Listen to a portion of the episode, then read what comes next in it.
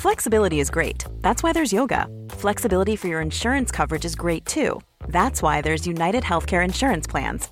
Underwritten by Golden Rule Insurance Company, United Healthcare Insurance Plans offer flexible, budget friendly coverage for medical, vision, dental, and more. One of these plans may be right for you if you're, say, between jobs, coming off your parents' plan, turning a side hustle into a full hustle, or even missed open enrollment. Want more flexibility? Find out more about United Healthcare Insurance Plans at uh1.com. Hiring for your small business? If you're not looking for professionals on LinkedIn, you're looking in the wrong place. That's like looking for your car keys in a fish tank. LinkedIn helps you hire professionals you can't find anywhere else, even those who aren't actively searching for a new job but might be open to the perfect role. In a given month, over 70% of LinkedIn users don't even visit other leading job sites. So start looking in the right place. With LinkedIn, you can hire professionals like a professional. Post your free job on linkedin.com slash people today. Ready to pop the question? The jewelers at BlueNile.com have got sparkle down to a science with beautiful lab-grown diamonds worthy of your most brilliant moments. Their lab-grown diamonds are independently graded and guaranteed identical to natural diamonds, and they're ready to ship to your door. Go to BlueNile.com and use promo code LISTEN to get $50 off your purchase of $500 or more. That's code LISTEN at BlueNile.com for $50 off. BlueNile.com code LISTEN. Den här podcasten sponsras av Valio. Valio utvecklar och säljer produkter för människors hälsa och välmående med fokus på magen. I en ny undersökning från Valio visade sig att de som främst drabbas av magproblem är unga kvinnor. Bland dem upplevde hela 46 procent dagliga problem med magen och den vanligaste orsaken var stress. Det är någonting som jag tillsammans med Valjo vill försöka ändra på. Läs mer på www.lugnamagen.nu för mer information om maghälsa. Här kommer veckans avsnitt.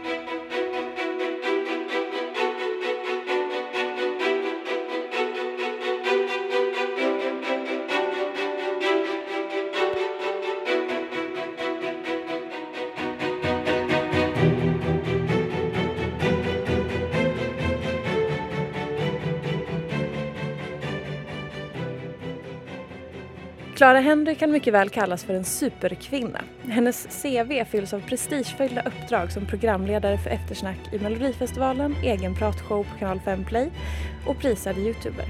Hon har dessutom skrivit en av förra årets mest hyllade böcker, Jag har mens, hur så? som fullkomligt utklassade alla andra på Bokmässan och snart släpps utomlands. Klara har även turnerat med sin föreläsning Youtube på blodigt allvar, varit reporter i Musikhjälpen och sommarpratat i P1. Ja, hon är bara 22 år gammal också. Bakom allt det glammiga finns en verklighet som påminner om att även superkvinnan Klara är mänsklig. Hon har berättat att hon blivit drogad, att hon blivit utsatt för sexuella övergrepp på krogen och inför jobbet i Melodifestivalen drabbades hon av kraftigt näthat och panikångest. Vem är Klara bakom all framgång? Hur hanterar hon näthatet? Är framgången förenat med prestationsångest alltid? Vem är egentligen Clara Henry? Välkommen till podcasten Ofiltrerat med mig, Sofia Peterfia Sjöström. Oh. Snyggt! Tackar! Ja, jag inleder som jag alltid gör. Berätta om din verklighet. Min verklighet. Um, sjukt svår fråga. Ja, vad men, bra. Men, men jag tycker ofta att folk som kanske ser på mig utifrån tror att jag har någon annan verklighet än den jag har. Den ska vara så supercool och glammig. Man ska eh, göra massa coola saker och, och, det är bara kul och man går på kändisfester och och typ. um, Men jag lever så jäkla bara vardagligt och supervanligt. Och å andra sidan, min verklighet är ju det är ju min verklighet. Jag har ingenting att jämföra med för att jag är bara jag. Liksom. Jag kan inte vara fler personer än så. Men eh, jag handlar mat på Coop och jag är dålig på att laga mat för den delen. Och jag liksom vaknar och går upp och jobbar och sen så går jag och lägger mig. Och, eh, ja, värdesätter eh, att ta det lugnt. Mm. Och att tillåta mig själv att ta det lugnt. Vad, vad intressant att du säger det, för när man läser allt det som jag precis läste så tänker man ju hur hinner hon med allting? Vänta nu, hon tog studenten för bara några år sedan. Det var inte så länge sedan du fortfarande Nej. gick i skolan. 22 år gammal, har gjort alla de här jobben, syns mycket i media, är liksom aktuell hela tiden. Och så gillar du ändå att ta det lugnt. Det tycker Ja, jag är ganska skön. Jag tror väl att det, jag har lärt mig att ta det lugnt Ja. eh, i och med detta. För att för typ, vad kan det ha varit, för, förra våren, för ett år sedan. ehm, då hade jag en period där jag var igång så himla mycket och hade så långa dagar och allting gick liksom ihop med varann. Att jag kunde så här, vakna på morgonen och inte ha en aning om var jag var typ. Eh, för jag kanske var ute på föreläsningar två gånger i veckan. Och den känslan är ganska obehaglig. Och när man då blir uppringd av sin agent som bara så här, du, kom, du vet att du ska ha ringt till den här journalisten för en halvtimme sedan. Man bara, nej, eller va, vem då? Ja men han som vi snackade om i förra veckan. Jag har inget minne av det. Inget minne. När man börjar glömma bort saker då vet man att det går lite för snabbt. Mm. Så att, eh, då sa jag att nu vill jag bara, för då släppte jag boken på hösten. Då sa jag då vill jag bara hålla på med boken på hösten. Promota den och åka runt och föreläsa om mens och liksom jobba med boken. Och sen vill jag faktiskt ta det lugnt i vår. Och det tycker jag att jag har gjort. Mm. Typ från januari har jag verkligen... Jag har ju jobbat som en vanlig människa men jag har ju inte jobbat kanske åtta till åtta alla dagar i veckan. Vad, på vilket sätt har det skilt sig då från en period när du har sådär fullt ös att du känner att du blir lite för stressad till att nu att du har tagit det lugnt och Mm. jobbat mer vanligt? nu jobbar jag mer hemifrån till exempel. Att jag inte bokar in så många grejer varje vecka utan att man kanske har eh, två möten eller intervjuer eller vad det nu kan vara om dagen och sen att jag sitter hemma och jobbar resten av tiden så att jag får tid att göra det jag vill och inte bara gör saker som andra vill att jag ska göra Mm. till exempel. Kände du någon gång att, eh, att det här att, att bromsa och sänka farten, att det inte var något du kunde välja utan att kroppen valde det åt dig för att den började säga ifrån eller så? Eh, nej, inte, nej, alltså det var ju ett val som jag gjorde. Men man märkte ju liksom varningssignalerna på kroppen kanske. Mm. Eh, och jag märkte att, för då jobbade jag ju på helger också. Eh, och jag är dessutom en människa som är väldigt beroende av, av att sova. Och då märkte jag hur jag så jobbade och sov och jobbade och sov och så blev jag tröttare och tröttare och jag gick och var trött hela tiden och jag blev sjuk hela tiden. Och var så konstant hostig och snorig. Så att, det är sånt man reflekterar över i efterhand kanske. Att det kanske var någon form av tecken på att nu ska vi chilla lite. Ja. Men vad fint att, eller fint men det var fel ord. Men vad klokt att du ändå respekterade eller så här fattade den grejen ganska snabbt och bara så här oj nu måste jag göra en förändring här. Jag är, bara, jag är mest glad att jag liksom, eller typ tacksam över att jag har ett yrke där jag själv kan bestämma när det går för fort och när jag måste sakta ner. Eh, för att jag tänker, hade jag jobbat liksom på ett kontor eller varit anställd, nu är jag ju anställd av mig själv, eh, då kanske jag inte hade haft samma möjlighet till det. Så att man är ju på så sätt lite privilegierad som egenföretagare när det går ganska bra, när man kan börja aktivt tacka nej till saker för att man inte vill, för att man vet att man borde chilla lite. Helt sant. Ja, jag har tänkt på det mycket. Eh, alltså att, att vara egenföretagare, det är ju Många beskriver det som eh, att det är helt fantastiskt, man har den här friheten och man kan göra vad man vill och man är sin egen chef. Och det är ju liksom en sida av det. När, som du säger, när det går bra så är det ju världens bästa jobb. Mm. För att då är det ju roligt, då går man ju inte till jobbet, då går man ju och leker eller sådär. Precis. Men sen när man har en dålig period eller man känner sig inte på tårna eller att man är liksom lite mer utsatt eller skör. Ja. Då är det ju ett otroligt ansvar. Och en stress och en press. Och man kan inte liksom gå till någon annan och bara kan du lösa det här till mig? Nej. Man, är, man, är, man är sig själv liksom och Mm. i sig själv. Och det som jag tycker är svårt också är när man typ kanske inte har ett kontor att gå till. Eller att man jobbar mycket hemifrån. Att det kan liksom sätta käppar i hjulet för en själv för då sitter man där framför datorn och jobbar till klockan 11 på kvällen och sen går man och lägger sig och sen går man upp igen och sätter sig framför datorn och bara sitter där eh, och gör det man ska göra. Eh, och pushar sig själv till att göra det för att man vet att det här måste bli gjort, det här måste bli gjort och jag måste göra det här för att kunna komma dit. Och, Mm. Det där med att jobba hemifrån kan jag tycka är ganska svårt. För att, och inte svårt som många säger att så här, ah, men är det inte lätt att man tar och fyller på diskmaskinen och börjar städa istället? Mm. Alltså, det har jag inte så Nej. mycket problem med. Men just att när jag jobbar hemifrån så är det lätt att jag kanske vaknar, sätter mig i mjukisbyxor och sen sätter jag mig direkt och käkar frukost framför datorn, kollar mejlen. ja. Och liksom man kommer in i dels ett osunt beteende men sen så ser jag alla andra. Åh, nu var den på det här och nu var den på det där. Och så omedvetet så blir jag Ja. så här. Jaha, här sitter jag hemma i mjukisbyxor och inte gör något. Fast Ja. jag kanske sitter och skriver på en bok eller bloggar eller vad som Precis. helst. Men då är det som att det inte räknas för att man är hemma.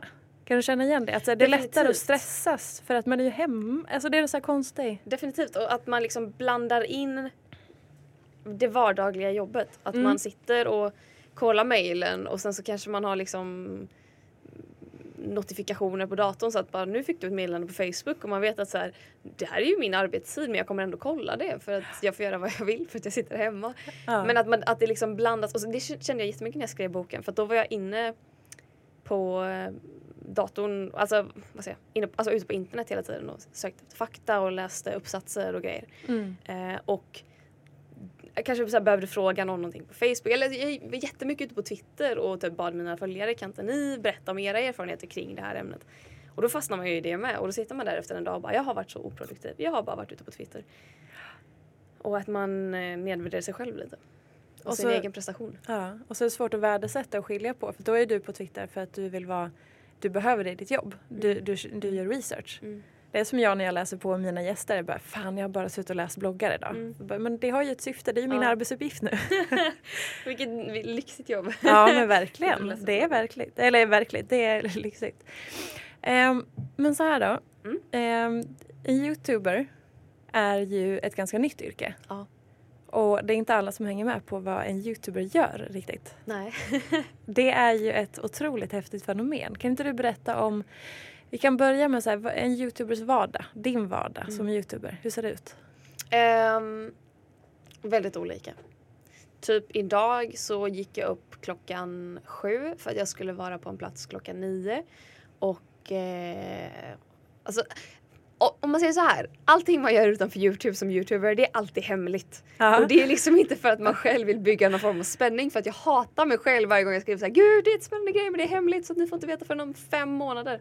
Eh, men det är mycket hemliga grejer för att man liksom så här, ah, nej men det är hemligstämplat liksom. Mm. Och det får inte komma ut förrän ett visst datum. Och, eller att man kanske inte har skrivit kontrakt och grejer. Eh, så jag var iväg klockan nio, gjorde en hemlig grej.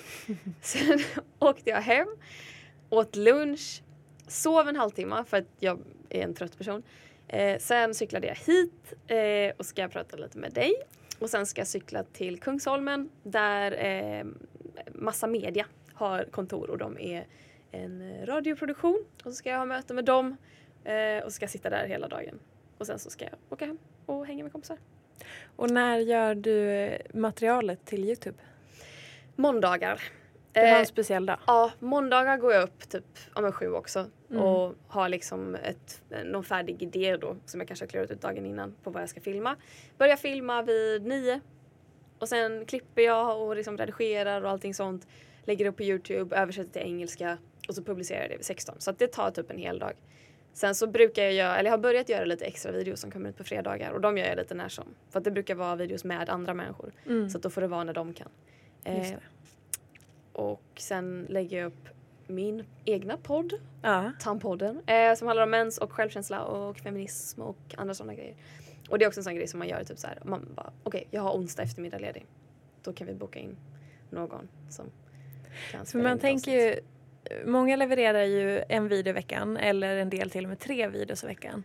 Men det tar, man förstår ju inte hur mycket tid det tar. Nej, det är ju det. Jag hade ju gärna lagt upp fler videos. Eh, för standard är ju en och sen så ibland så kommer det på fredagar. Nu har jag haft Mm. en ganska bra streak med fredagsvideos men, men det kommer inte hålla så länge känner jag. Eh, men det tar verkligen en hel dag att göra en video. Och jag hade i förra fredagen, eh, i alla fall sett från när vi spelar in detta nu, så skulle jag lägga upp en video eh, ihop med en som heter Axel. Eh, och det slår mig kvällen innan, för jag sitter på tåg tillbaka till stan från Lund eller från Sandviken eller vart jag nu var och föreläste. Att så här, helvete. Jag ska lägga upp den videon imorgon och jag har inte ens liksom öppnat filerna. Jag har inte ens börjat Ah. klippa. Och då då skulle mitt tåg vara framme så kvart i elva på kvällen. Och sen skulle jag liksom jobba på ett kontor mellan 9 och 17. Och jag bara... Oh. Så jag bara, "Nej, vad ska jag göra? Nej, Jag ställer klockan på fyra på morgonen, går upp, klipper Åh, och får den klar innan jag behöver åka klockan halv nio. Eh, så den var, den var intens. Ja. Men, men det funkar. Och det var inget alternativ att du bara, nej men då får den bli publicerad på måndag istället eller på Mm. nästa dag? Hade det varit en video med bara mig själv så hade jag kunnat göra det. Men i Mm. och med att det var Axel och jag som gjorde två videos och han var färdig med sin och den skulle upp på hans kanal och vi hade liksom planerat att Ah. liksom, jag lägger upp på fredagar ibland, han lägger alltid upp på fredagar. Så att det var omständigheterna som gjorde att jag bara okej, Mm. ställer klockan. Lägger mig med ångest. Bara, nej. Ja. ja, men det är bra. Det är en bra karaktär. Ja. Eh, du har ju berättat, eller så här, du har kallat ditt jobb i Melodifestivalen eh, Eftersnack för en introduktionskurs i panikångest. Ja. Berätta om det. Um, well, det börjar väl med att eh, det är Sveriges största tv-program. Och det, jag ha- har en liten del av detta tv-program och ska göra en 50 sekunder lång videoblogg i varje deltävling som sänds då live i programmet som en mellanaktssketch.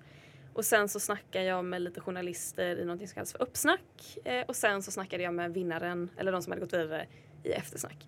Eh, och det sändes på webben. Ehm, men eh, när eh, prestationsångest går lite för långt typ, Mm. eh, då är inte det så gött. Nej. Eh, och dessutom så får man väldigt mycket hat när man är med i Melodifestivalen. Är, det, är det automatiskt? Eh, jag tror det. Eller folk har väldigt mycket åsikter överlag och mycket skulle man liksom inte ens kunna klassa som hat men, men, men det är elakt. Att folk hånar en och folk liksom eh, skriver att man inte ska vara där och att man ska ah, till att man, folk skriver att man ska hänga sig, att man ska skjuta sig själv, att man ska flytta till yttre Mongoliet och aldrig komma tillbaka och bli våldtagen och ah, allt Mm. möjligt. Eh, och även om man tycker att man är ganska bra på att hantera sånt så när det blir så mycket på samma gång då känner man sig, man känner sig hatad på något sätt. Man vet att jag tar inte åt mig av varje enskild kommentar för att jag, jag kommer inte ha ihjäl mig själv för att du säger det. Då kan ju du gå och lägga dig under en sten. Men man, man känner sig som en typ hatad person. Och typ även om man vet att det är så många andra som tycker att det jag gör är kul. Det försvinner liksom. Det blir väldigt eh, osynligt. Mm. Och vad var det som drabbade dig då? Hur gick det liksom från prestationsångest eller känna sig eh, utsatt till Ja. att du började få panikångest? Eh, det, jag tror att första gången jag fick det var typ någon vecka innan första deltävlingen sändes. Mm. Och det var väl bara en reaktion av ren bara så här, vad fan är det som händer, prestationsångest, eh, vet inte hur jag ska hantera detta och eh, man kände sig lite oförberedd för att webbdelen var eh, väldigt mycket mer oplanerad på något sätt. Att det var bara att jaha Klara du ska göra det här, varsågod och gör det. Eh, Du har en producent som du kan bolla manus med men det är liksom du som ska skriva manus och grejer. Och det, så här, det, är sånt, det hade jag inga problem med men just att man, jag vet hur jag gör mina grejer men jag vet inte hur det ska funka i Melodifestivalen. Då vill jag ju ha någon som kan Melodifestivalen som vi kan göra grejerna ihop. Typ. Eh, fast det blev ju bättre allt eftersom men efter första veckan så var det bara så här, wow det här blev så dåligt. Mm. Eh, och eh, ja, nej, man, man går runt med typ en ständig liten klump av ångest typ. Och försöker ändå göra sitt jobb och vara glad och typ, man är samtidigt så jävla tacksam över möjligheten man får och det är väldigt roligt. Jag hade ju aldrig tråkigt om man säger så. Jag tyckte aldrig att det var hemskt att vara på plats. Jag tyckte att det, det är något av det roligaste jag gjort. Men den här liggande lilla, lilla klumpen av oro i magen eh, triggar väldigt mycket typ ångest. Speciellt så här när man väl kommer hem från en vecka. Eh, man har varit i någon svensk stad och så kommer man hem och så bara så här Oh, kan kan jag så här lägga mig på sängen och bara gråta för att det var en sån typ urladdning och att man vet att nu kör vi igen om tre dagar. Typ. Så att det är väldigt eh, påfrestande psykiskt. Mm.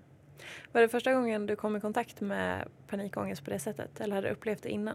Eh, hade upplevt det. Alltså, jag har upplevt ångest innan, ganska grov ångest men aldrig panikångest. Aldrig den här som Alltså när man typ googlar symptom och man bara japp, Mm. det där är det. Typ. Känslan av att nu dör jag här Ja, på typ, fläcken. ja. Ja. Åh, men det, det som är så svårt att förstå i allt det här det är det här eh, beteendet som, som människor har på nätet. Mm. Med näthat och kommentarer och som att ord har förlorat sin betydelse och man kan tycka så här, ja ja men vad fan hon fattar att jag skojar eller Ja. att jag kallade henne för massa fula ord det, det får väl hon ta Mm. för att hon syns. Mm. Det läser väl inte ens hon? Hur kan Ja. hon läsa alla sina kommentarer? Jag skriver vad jag vill. Ja, Det är bara min åsikt. Du får ta kritik. vi lever i ett fritt land, land och så vidare. Det är otroligt märklig Ja. attityd. Verkligen. Att folk tycker att yttrandefrihet innebär att man får säga vad man vill. Ja, och att sen, yttrandefrihet innebär att man får kränka andra människor. Det är ju intressant. i, I vilket forum upplever du att du får mest näthat? Ehm, Youtube definitivt. Riktat till mig då. Men Mm. på Twitter är det väldigt mycket hat som florerar eh, i subtweets, alltså att folk twittrar om någon men inte till den personen. Typ. Mhm. Eh, men sånt ser man ju ändå liksom. Det, alltså, folk hittar ju det och visar det för en. Typ. Och hur hanterar du det? Ehm, jag har lärt mig, eller typ så här, utvecklat ett sätt att hantera det på ganska undermedvetet men som jag typ har observerat vad jag gör eh, när det händer och det är väl att när jag får Alltså får jag en kommentar, får jag två kommentarer, får jag tre kommentarer då är det så här, ah, skitsamma. Spelar ingen roll vad ni skriver för att jag håller inte med. Typ. Det, det är inte så och jag vet att jag är ingen ful hora. Det är liksom det är synd att ni tycker det men det rör mig inte i ryggen. Sen kan det vara dagar när man får typ shitstorms på Youtube och man kan få, alltså att man hittar fler som skriver skit på Twitter på samma gång och man kanske får ett elakt mail. Eh, och då blir jag helt stirrig typ. Att man kan bli lite, det är nästan som att man blir stressad. Att jag vill kunna svara på allting, jag vill typ försvara mig själv. Men jag vet att det borde jag inte göra och det behöver jag inte göra heller. Men att man blir så här, typ lite skakig nästan brukar jag reagera på det. Men då tror jag att det jag brukar göra är att på något sätt sätta upp mig själv på någon piedestal. Att ja, okej, men nu är det jag som sitter här och pratar med en kamera med nästan 400 000 följare och nu är det jag som har varit med i Melodifestivalen och nu är det jag som har släppt en bok. Och vad har du gjort? Ja, men du kanske jobbar i kassan på ICA i Borlänge. Kul för dig. Vad roligt att du valde just Borlänge. jag är från Hedemora som ligger precis. Ja, jag var i Hedemora och föreläste för ett tag Ja men vad roligt. Jättemysigt. Ja. Eh, nej men så att man liksom på något sätt typ man blir superego, man förstorar sitt ego som fan för att kunna liksom skydda egot. Tror jag. Mm. ja men ganska smart taktik ändå. Ja, det känns rimligt på något sätt att man behöver boosta sig själv för att kunna Mm. se bortom negativa kommentarer. Ja. Hur tror du att eh, det här kommer fortsätta? Hur tror du utvecklingen kommer vara om säg fem år? På näthatsfronten Ja. eller? Eh, jag hoppas ju att det kommer komma lagstiftningar om, alltså hårdare lagstiftningar kring hot och hat på internet. Mm. Eh, och att det ska tas på allvar och jag hoppas att folk kommer börja anmäla fler och fler kommentarer. Ehm, för att det ska bli någon skillnad i statistiken så att politiker kommer ta det på allvar. Ehm, sen jag menar folk, alltså mitt stående motto i livet är väl att folk är idioter. folk kommer ju alltid vara idioter. Så att, eh, Det är som min eh, sambo eller man to be säger. Han, han bara 98% av världens befolkning är idioter. mm. Och Ja. det är fakta. Ja, jag har någon dröm om att här, när jag blir så här 60 år och inte längre bryr mig om min kropp och är helt så här rynkig, då ska jag tatuera in så här stort i skrivstil. Folk är idioter över bröstet. Chest piece.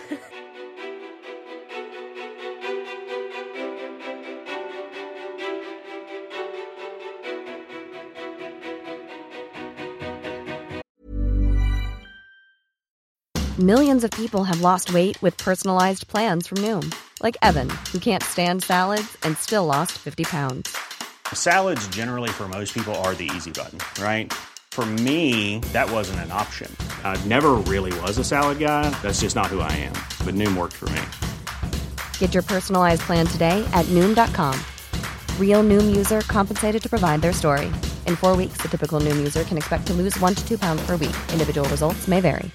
How would you like to look five years younger? In a clinical study, people that had volume added with Juvederm Voluma XC in the cheeks perceived themselves as looking five years younger at six months after treatment. Look younger, feel like you. Add volume for lift and contour in the cheeks with Juvederm Voluma XC. Reverse signs of aging by adding volume to smooth laugh lines with Juvederm Volure XC. For important safety information and to find a licensed specialist, visit juvederm.com. That's J U V E D E R M.com. Not for people with severe allergic reactions, allergies to lidocaine, or the proteins used in Juvederm. Common side effects include injection site redness, swelling, pain, tenderness, firmness, lumps, bumps, bruising, discoloration, or itching. There's a risk of unintentional injection into a blood vessel, which can cause vision abnormalities, blindness, stroke, temporary scabs, or scarring. Talk to a licensed specialist to find out if it's right for you. Normally, being a little extra can be a bit much, but when it comes to healthcare, it pays to be extra. And United Healthcare makes it easy with Health Protector Guard fixed indemnity insurance plans. Underwritten by Golden Rule Insurance Company, they supplement your primary plan, helping you manage out of pocket costs without the usual requirements and restrictions like deductibles and enrollment periods. So when it comes to covering your medical bills, you can feel good about being a little extra. Visit uh1.com to find the Health Protector Guard plan for you. Since 2013, Bombas has donated over 100 million socks, underwear, and t shirts to those facing homelessness. If we counted those on air, this ad would last over 1,157 days. But if we counted the time it takes to make a donation possible, it would take just a few clicks. Because every time you make a purchase, Bombas donates an item to someone who needs it. Go to bombas.com slash ACAST and use code ACAST for 20% off your first purchase. That's bombas.com slash ACAST, code ACAST.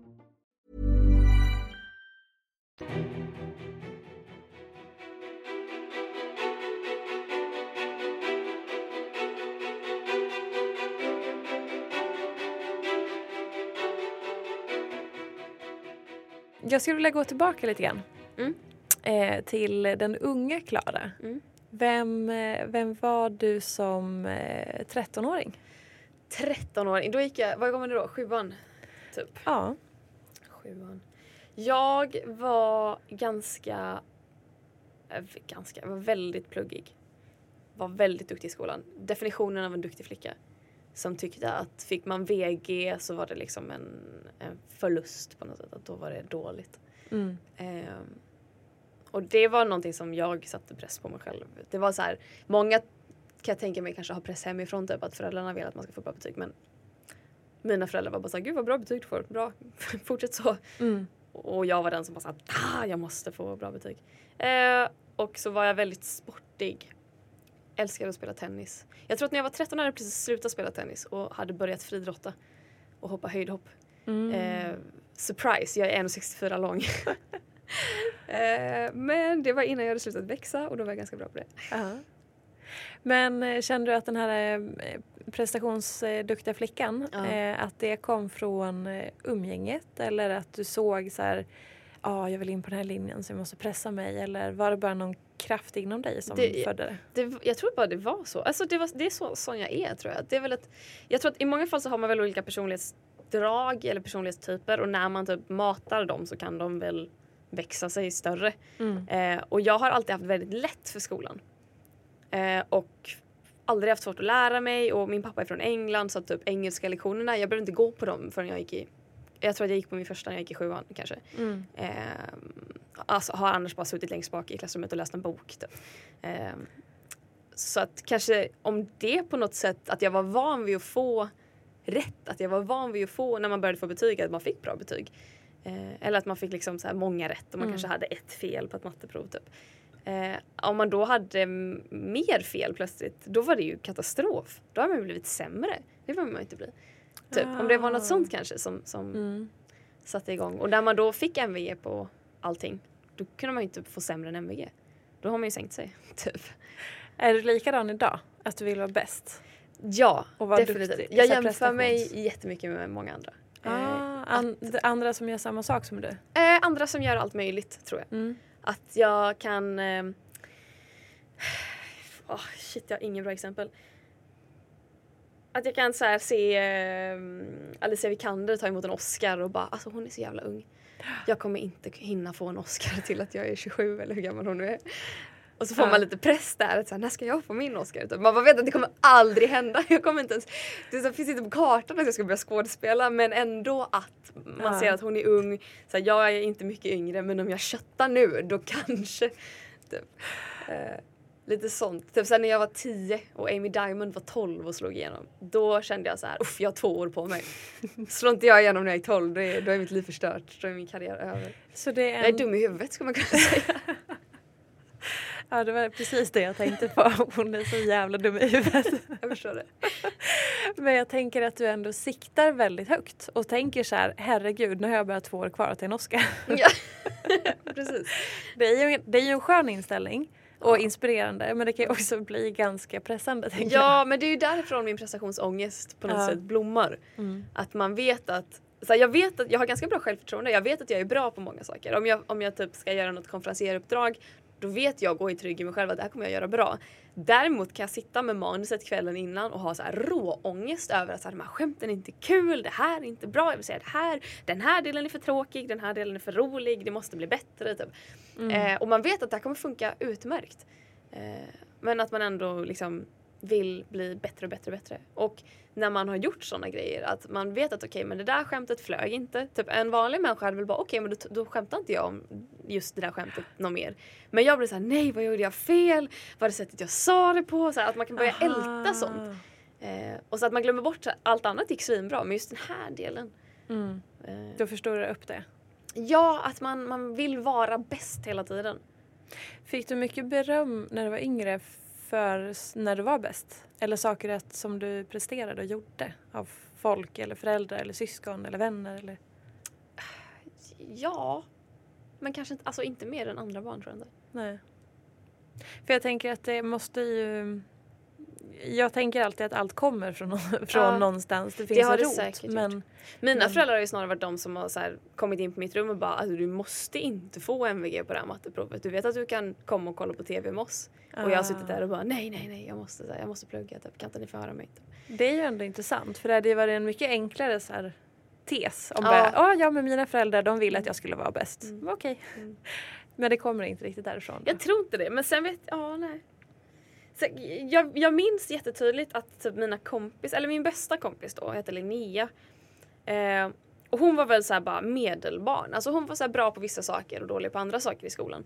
Eh, och jag fick alltid typ bättre betyg än vad hon fick. Så det var något prov någon gång som hon fick bättre betyg än mig. Och hon bara Men va? Klara? Jag fick bättre betyg än dig! Och jag bara kände det här får aldrig mer ske. Hon kan inte få så här mycket hybris typ. Eh, och så blev jag typ sur på mig själv. Jag bara hur kunde jag få lägre betyg än Linnea? Typ. Ah. Alltså, mm. alltså jag vet inte. Man gillar att vinna. Jag är så jävla vinnarskalle också. Jag gillar att vinna. Jag gillar att få rätt. Jag gillar att... Jag hatar att slänga mig ut i vatten som jag inte liksom kan någonting om. Kontrollbehov. Definitivt. Det har jag fått från min mamma. Ja. Definitivt. Ehm, och typ så här, när det kommer till olika grejer, om jag, om jag är osäker på om jag klar, kommer klara det eller inte, då ställer jag inte upp Mhm. eh, överhuvudtaget. För att jag hatar, känslan av att förlora är så mycket värre än känslan av att vinna. Alltså att den är, förstår du, Ja, den känslan ja, är ja. så mycket starkare på något Mm. sätt.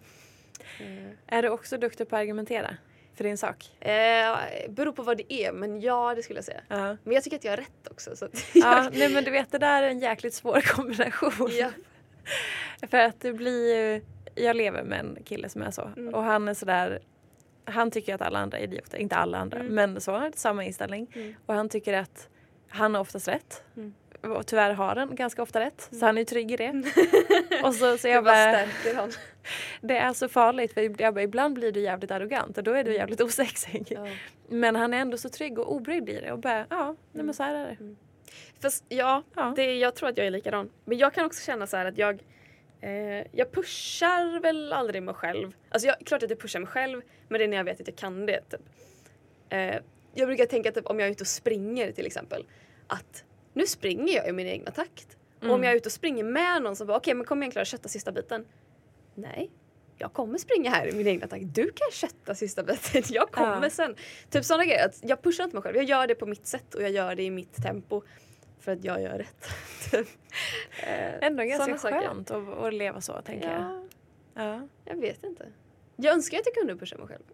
Att jag kunde så utmana mig själv. Att så här, nu ska du göra Men det detta. låter ändå som att du gör det i och med att du då så inspireras av Alicia Vikander och börjar tänka så här, Ja. nu ska jag gå den där vägen eller nu ska jag liksom bli lite bättre på provet. Mm.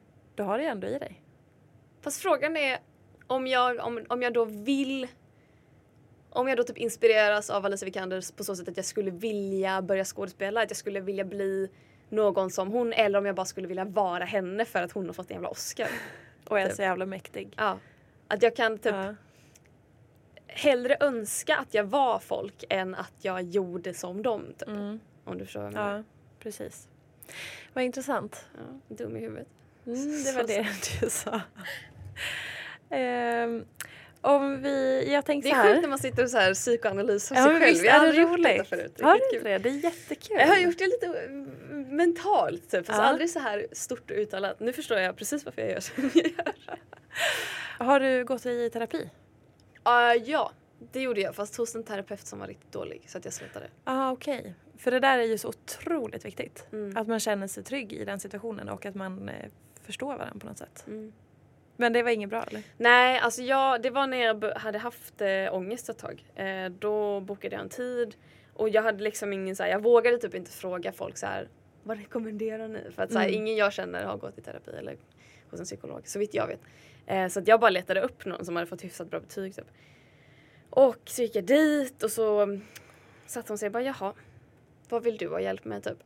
Och jag bara, eh, jag har ångest typ. Hon bara, ah, jaha, varför då?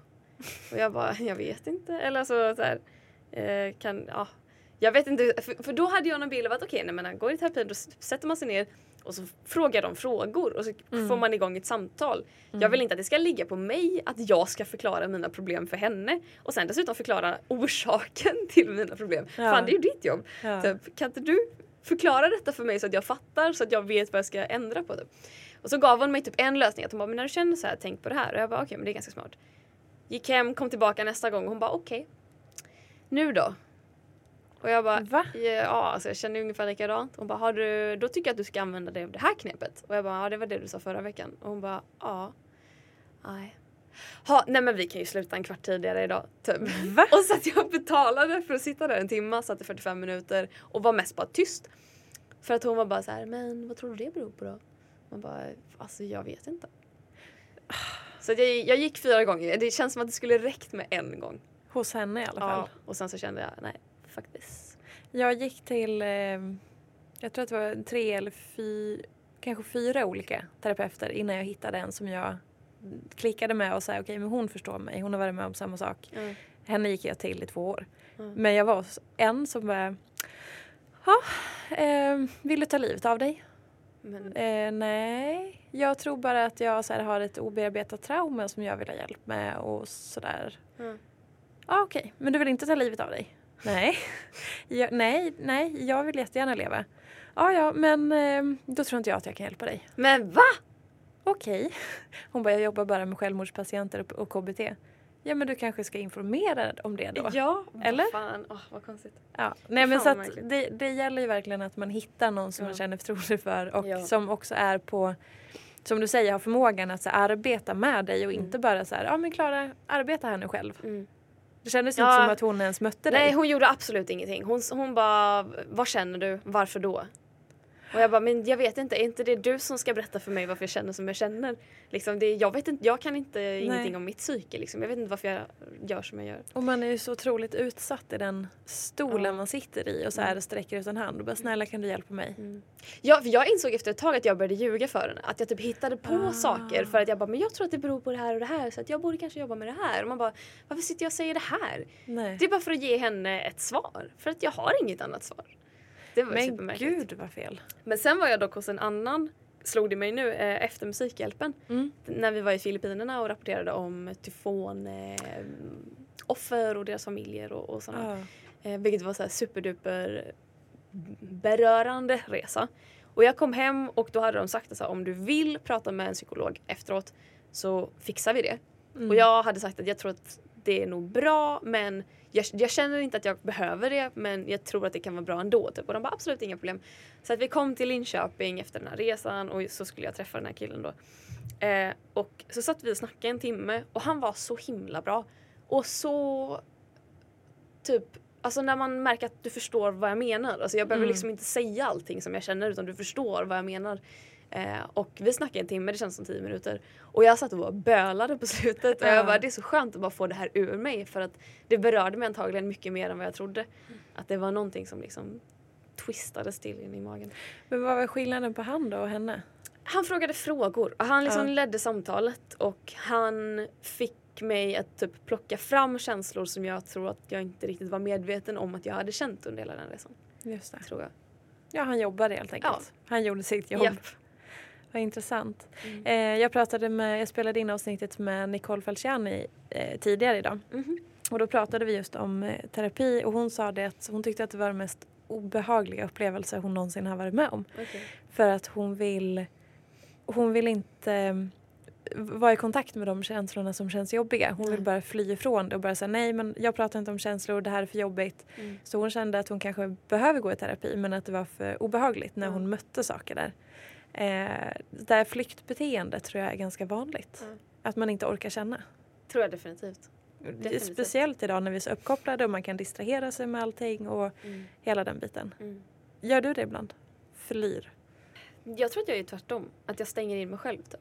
Mm. Om, jag känner, om jag har dagar när jag verkligen mår dåligt då låter jag bli att träffa folk. Mm. Och så stänger jag in mig i min lägenhet och bara så här vältrar mig i att må dåligt typ. Och det tror inte jag heller är speciellt sunt att göra. Men Ber det är också sånt som typ går över efter ett tag. Man ger det typ en dag eller två. Alltså, Men du ber inte om hjälp då eller säger kom hem och trösta mig eller pratar om det? Eller? nej. nej men på så sätt är jag väl sån att jag inte vill att andra ska veta att jag mår dåligt. Typ. Mm. Jag vill inte att andra, jag vill inte lägga det på andra typ. Tror jag. Fast mm, vännerna kanske kommer till dig också? Ja. Vad de frågar hur jag mår och jag säger jag mår bra. Alltså, men om de är ledsna då? Jaha du menar så? Ja. Eh, ja, jo det är klart. Och då tar du hand om dem men du vill Ja. inte att de ska ta hand om dig? Nej. Nej. Nej. men jag vill inte vara en börda för andra människor. Och jag tycker aldrig att andra människor är en börda för mig. Mm. Typ. Det är ju intressant. Ja. Det, är känns det. ju som ett sånt där typiskt ehm, jag vet inte, det känns så jävla tråkigt att säga men det känns ju som ett kvinnligt drag om man får säga så. Ett, Definitivt. liksom att så här, vi är så jävla vana med att vi ska ta hand om alla Mm. och vi ska inte tänka på oss själva och vi Mm. måste liksom ställa upp. ja. Men ta det lugnt, vi mår bra. Mm, ja, verkligen. Jag håller helt med. Vi belastar ingen. Nej, nej, nej. Mm. Man får inte ta plats liksom. Man får inte Nej. vara i vägen typ. Det känns ändå som lite av din hjärtefråga. Feminism och Mm. kvinnokraft och hela den biten. Det skulle jag definitivt säga att det är. Vad, så här, om någon säger så här, för det har jag tänkt mycket på. Många kvinnor Mm. som är i offentligheten och så säger de Nej, jag är inte feminist. Mm. Jag vill att alla ska ha lika värde men jag vill inte kalla mig för feminist. Ja. Vad är det? Jag tror att det beror på att man inte är helt insatt i vad feminismen står för. Ja. Eh, och dessutom är man då mer rädd för ett ord än vad man är för det som ordet är till för att motverka. Att ordet femi kommer från det feminina för att det var suffragetterna på tidigt 1900-tal som kämpade för kvinnlig rösträtt. Mm. Och sen har dessa fortsatt att kämpa för liksom eh, fria alltså reproduktionsrättigheter och, och p-piller och, och att man ska liksom få jobba och eh, pappaledighet och, och sådana grejer. Jämlikhet Eh, egentligen. Ja men definitivt jämlikhet.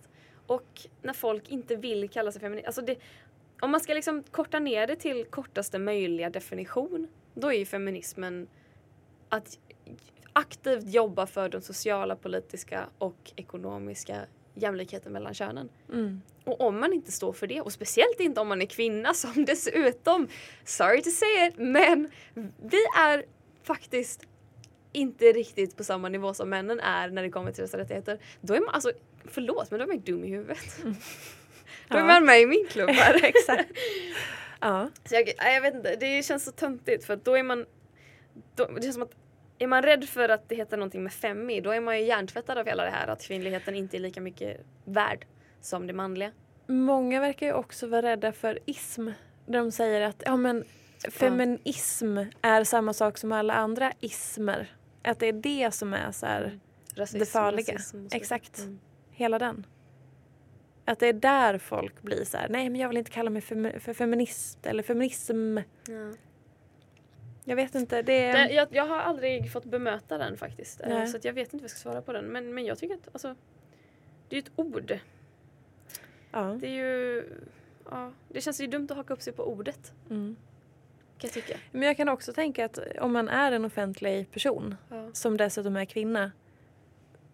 Varför ska man säga att man varför ska man säga att man inte är feminist? Eller att man inte är vill väl- ha jämlikhet? Alltså det Alltså jag så... tror att, du, alltså, för det första i grund och botten tror jag inte man vet vad det är, vad det är man säger. Mm. I, om man vill ha jämlikhet så vill man ha feminism Ja. liksom, och så är det ju. Däremot så kan jag förstå att man inte vill uttala sig om det för att hålla en neutral position för att som feminist så får du fett mycket skit Mm. från folk som inte är feminister. Um, klippte av mitt hår för några månader sedan från långt till kort och fick så mycket kommentarer om att jag var en jävla feminazi. Vilket är kul att man tar feminismen och nazismen som är två separata saker. Var den ena står bakom ett av de största folkmorden i modern tid. Sätter ihop det till ett ord och kallar det, eller så använder det på tjejer som har kort hår. Absolut! Logiskt! Alltså det är så, åh! jag blir så Jag har fullkomligt aldrig ologiskt. hört det innan. Feminazi. Det, är, ja, det betyder helt enkelt så här aggressiva, arga, äckliga feminister typ i feminazis. Men det är ungefär som den här fördomen om att alla som är lesbiska eller flator har kort hår Mm. och ser ut som killar och har baggy pants och hår under armarna. Ja. Eller för den delen att alla feminister är lesbiska som är, hatar män och vill eh, döda alla typ. Sen får man ju säga att så här, det finns väl säkert grader av alla de här. Men det är ju alltså nyanser. Allting är så extremt. Folk Definitivt. så här, bara så här, ja men det finns den här typen eller den här typen. Punkt. Och sen på samma gång, det var någon som frågade mig häromdagen, en annan youtuber eh, som ville ha hjälp med, han skulle göra en video om feminism och Mm. varför han stod bakom det. Han bara jag vill bara stämma av några saker med dig så att jag ser fel. Mm. Och då sa han typ att så här, det är så många som typ säger, snackar om extremfeminister. Mhm. Typ, och det finns ju extrema inom alla rörelser. Det finns ju liksom Isis Mm. eller Daesh eller liksom så extrema muslimer. Och man bara ja, fast skillnaden på extrema muslimer som typ självmordsbombar och hotar och extrema feminister det är att liksom extrema feminister kanske på sin höjd är lite arga. det är verkligen Kanske är jättearga till skillnad från... Ja. Ja. Inte riktigt så arga att de skulle döda någon. Det är tyvärr. Det är ju väldigt intressant att de har dragit... Alltså så fort man pratar om feminism eller feminister så ska man liksom... Det man jämför med är självmordsbombare eller radikala människor. Eller liksom, det blir så... De är extrema. Ja. Och vad gör man så? Jag skulle säga att jag är en extrem feminist. Ja. För att jag aktivt jobbar för feminismen. Att jag går ut och föreläser om feminismen. Att jag använder ett feministiskt synsätt när jag snackar om vissa saker. Jag snackade om att jag hade blivit drogad och jag vill avsluta med att säga håll koll på er själva och ge fan i att lägga saker i andras drinkar. För att jag tänker inte säga till alla tjejer och killar där ute att se upp för människor där ute. Se upp så att ingen lägger någonting i en drink. För att det är fan inte deras ansvar att se till att de inte blir drogade. Typ sådana grejer. Det skulle jag, jag skulle kalla mig en radik- radikal feminist för att jag vill se skillnad och jag tänker vara med och bidra till att den skillnaden skapas. Mm. Jag kommer inte döda någon för det.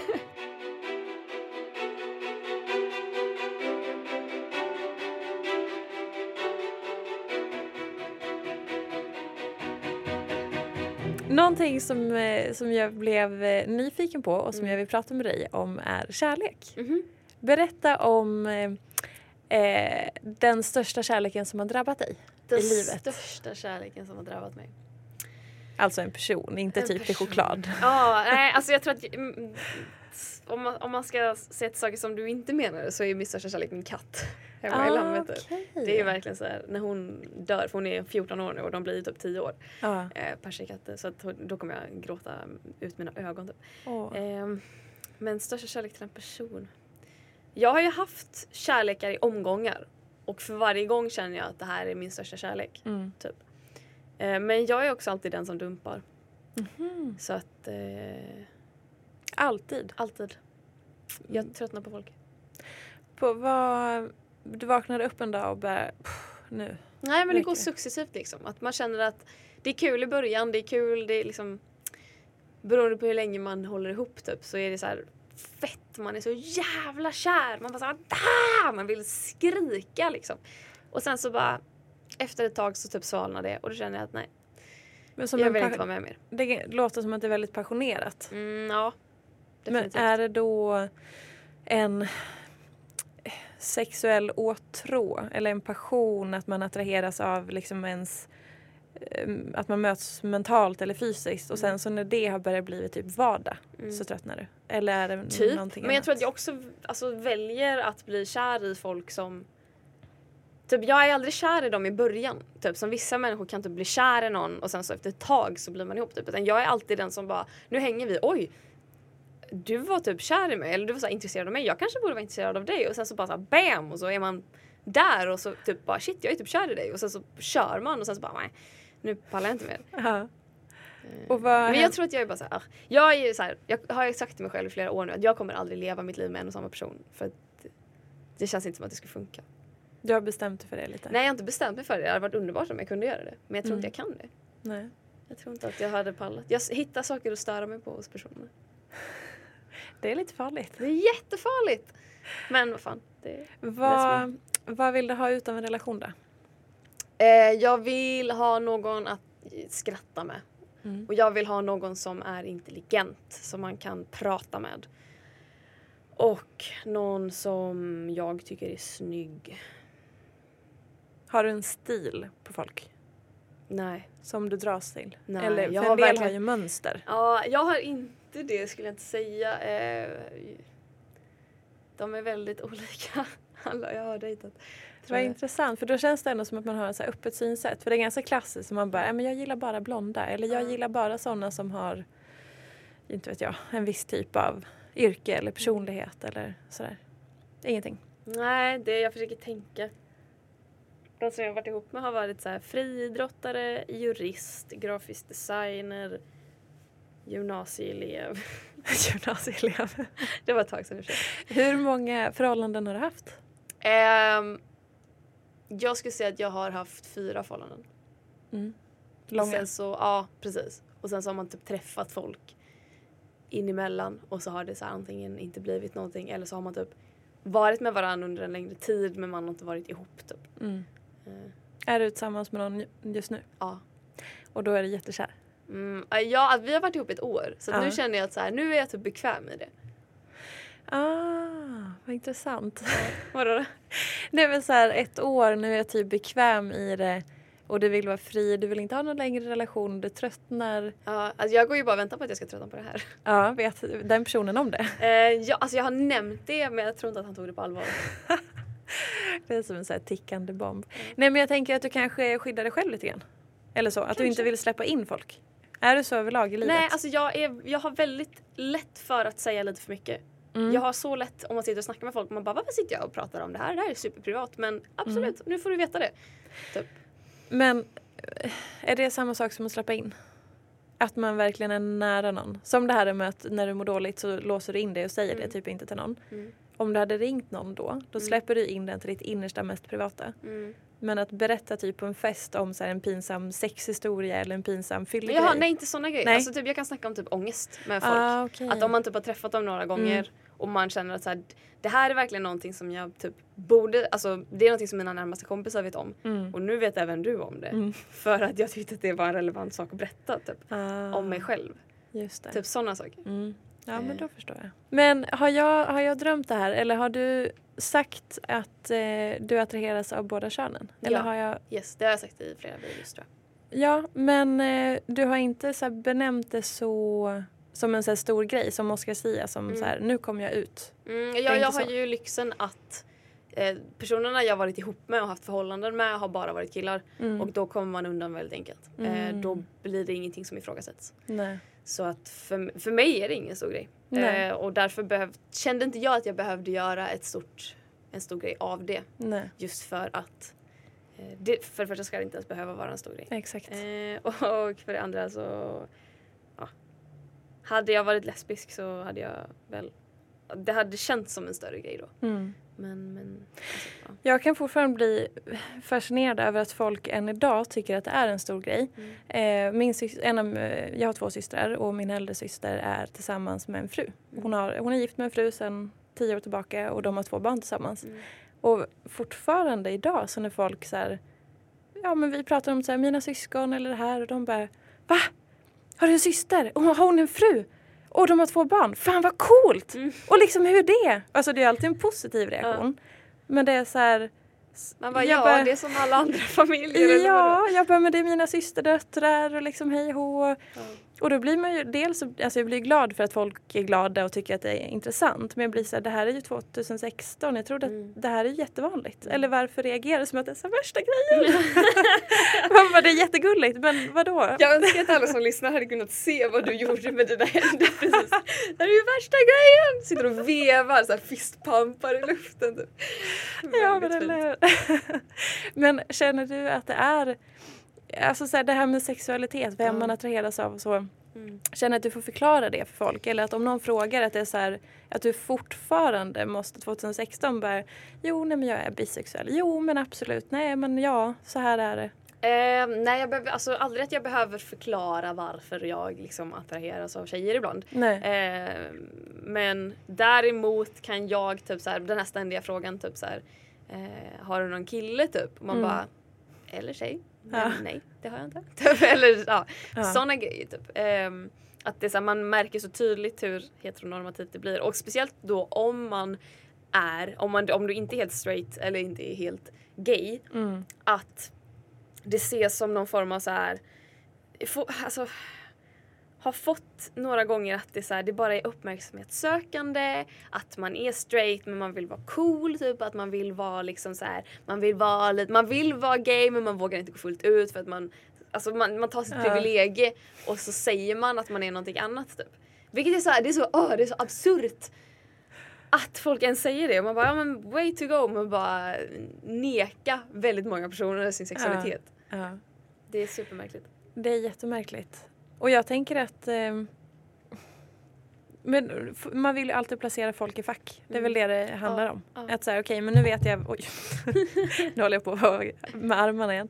Men att man alltid vill ha så här, nu vet jag vart jag har dig och då, Ja. då kan jag slappna av. Mm. Att det är liksom den, Ja. man vill placera någon. Verkligen. Och det där eh, mittenfacket blir så otydligt så blir folk så nervösa och bara jaha, men vadå? Mm. Bestäm dig. Ja precis och dessutom när jag då dejtar killar och folk bara ja men du då är du ju mest straight och man bara nej.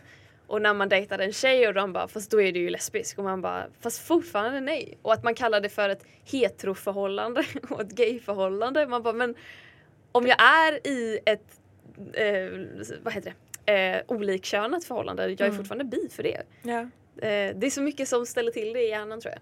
Sen Ja. är inte jag, alltså jag vet många som eh, kanske så som jag kan kämpa för typ kvinnors rättigheter, att man typ ofta förminskar kvinnor och blir typ svinförbannad för det minsta lilla. Vet Mm. jag många som blir över typ så här om man skulle säga typ heteroförhållande för att man ska inte anta att folk är hetero typ, utan de kan vara bi.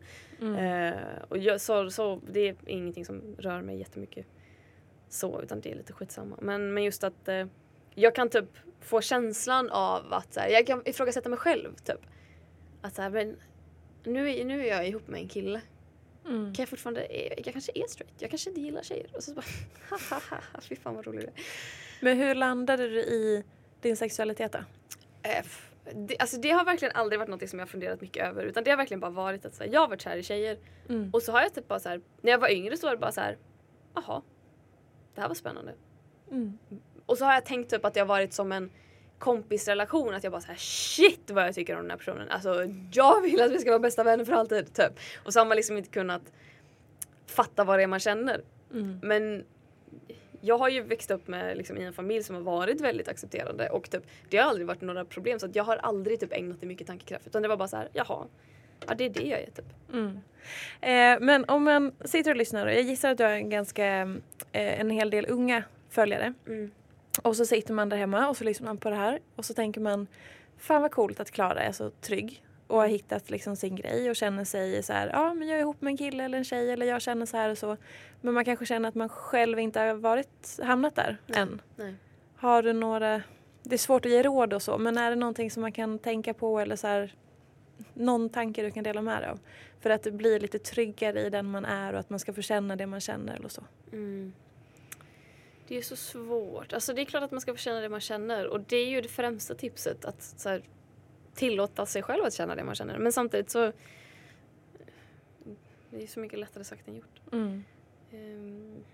Sen beror det mycket... jag tror att, alltså, vad- förlåt. Vad ska jag Nej, säga? för det var jag som avbröt dig så Okej. kör. Nej men jag tänker att man typ hittar andra som delar ens erfarenheter. Alltså att säga om man har Twitter till exempel, Twitter är det absolut bästa jag vet. Gå in på Twitter, hitta folk som kanske twittrar om andra sexuella läggningar. Hitta hbtq-människor, snacka med dem, börja Mm. följ, läs på och på något sätt förstå att det finns fler än en själv. Att man är inte ensam typ på något sätt. Utan det finns så många som har liknande erfarenheter.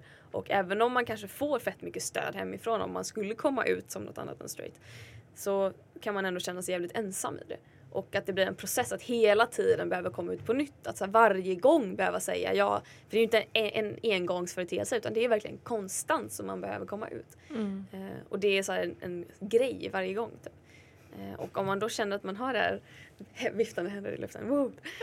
Om man har det här stödet i ryggen från andra som har gjort samma saker då tror jag att det kan kännas lättare. Mm. Klokt. Mm, Tack. Jag sneglade på klockan och insåg att det har gått en timme redan. Åh jävlar vad tiden gick fort. Eller hur? Vad skönt att du känner så. eh, ja, nej men alltså jag har ju bara sneglat mina frågor här för det var så intressant att prata med dig. Eh, men vi måste tyvärr eh, avrunda här helt enkelt. Tack så jättemycket för att du kom och ville vara med i den här podcasten. Tusen tack för att jag fick komma. Och- det var superintressant Ja, men vad roligt. psykoanalysera mig själv. Eller hur? Du får komma tillbaka sen. ja, det gör jag. Men, och var hittar man dig? Alla dina kanaler? Ja, alltså jag skulle säga bara googla Clara Henry så Ja. kommer det upp. Gå inte in på Flashback. Men, men jag har en blogg och jag Instagram och Twitter och, och där heter jag så här, Glasklara på Instagram och Glasklart på Twitter och Tahultsbarn på Youtube. Och så här, jag, jag kunde inte nöja mig med att heta Clara Henry på alla medier så att jag heter ta mig fan olika på, överallt. Ja, var det smart tycker du? Nej. nej, nej, nej. Det är lätt att vara efterklok också. Japp, japp, japp. Eh, och jag finns på peterfia.se och peterfia på Instagram. Eh, jag är nöjd med mitt men jag är inte så nöjd med mitt namn heller. Men det är en annan sak. Jättebra, men tusen tack för att du kom. Tack så mycket. Tack, hej då! Hej då!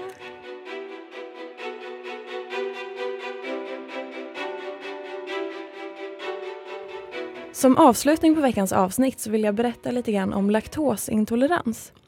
Visste du att laktasbrist är den vanligaste enzymbristen hos människan? Laktosintolerans är ingen allergi eller sjukdom och det är inte heller farligt på något sätt men det kan vara ganska besvärligt. Symptomen är individuella och varierar och de kan även försvinna när mängden laktos minskas eller försvinner helt från kosten. Laktosintolerant är ett normaltillstånd för cirka 70 procent av världens vuxna befolkning. Och i Sverige så är det cirka 7 procent som har laktosintolerans och 14 procent av skolbarnen. Vill du lära dig mer om maghälsa så kika in på www.lugnamagen.nu. Tusen tack för att du lyssnade. Vi hörs i nästa avsnittet nästa vecka. Hej då! Jag vill rikta ett stort tack till produktionsbolaget Oh My som hjälper till att producera den här podden och geniet Emil Sjölin som klipper. Tusen tack!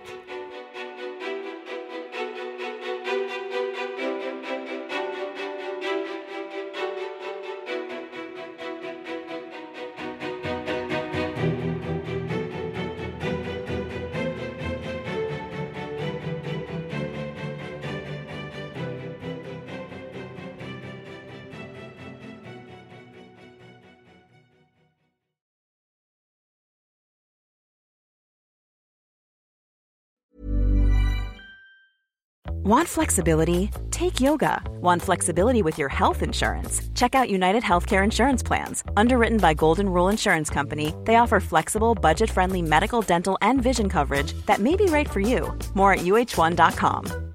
Cool fact a crocodile can't stick out its tongue. Also, you can get health insurance for a month or just under a year in some states. United Healthcare short term insurance plans, underwritten by Golden Rule Insurance Company, offer flexible, budget friendly coverage for you. Learn more at uh1.com.